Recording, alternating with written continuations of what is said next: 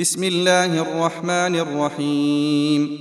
يا أيها النبي إذا طلقتم النساء فطلقوهن لعدتهن وأحصوا العدة.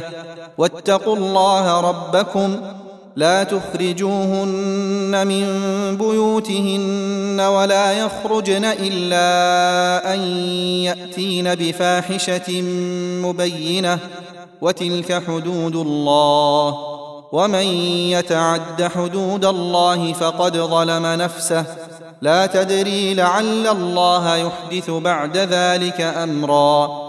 فإذا بلغن أجلهن فأمسكوهن بمعروف أو فارقوهن بمعروف وأشهدوا ذوي عدل منكم وأقيموا الشهادة لله.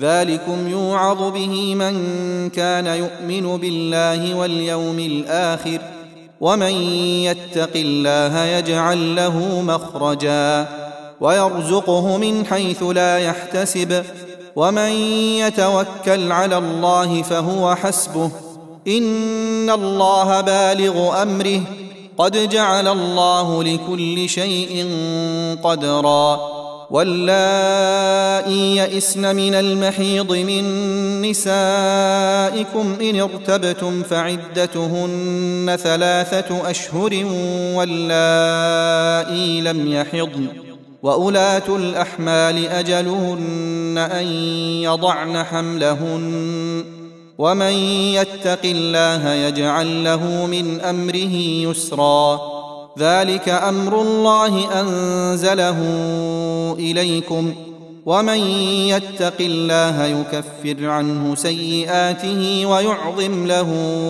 أجرا أسكنوهن من حيث سكنتم من وجدكم ولا تضاروهن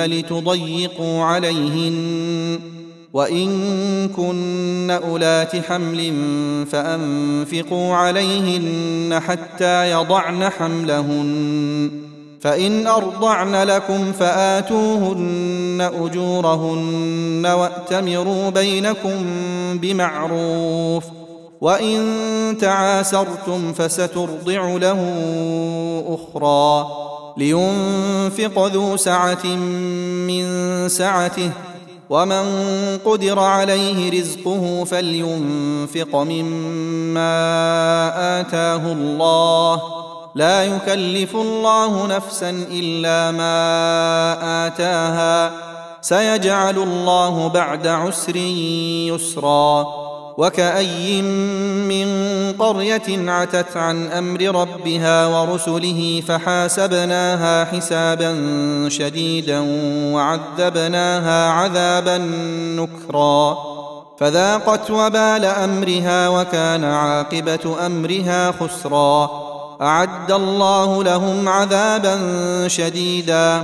فاتقوا الله يا أولي الألباب الذين آمنوا قد أنزل الله إليكم ذكرا رسولا يتلو عليكم آيات الله مبينات ليخرج الذين آمنوا وعملوا الصالحات من الظلمات إلى النور ومن يؤمن بالله ويعمل صالحا يدخله جنات تجري من تحتها الانهار خالدين فيها ابدا قد احسن الله له رزقا الله الذي خلق سبع سماوات ومن الأرض مثلهن يتنزل الامر بينهن لتعلموا لتعلموا أن الله على كل شيء قدير وأن الله قد أحاط بكل شيء علما.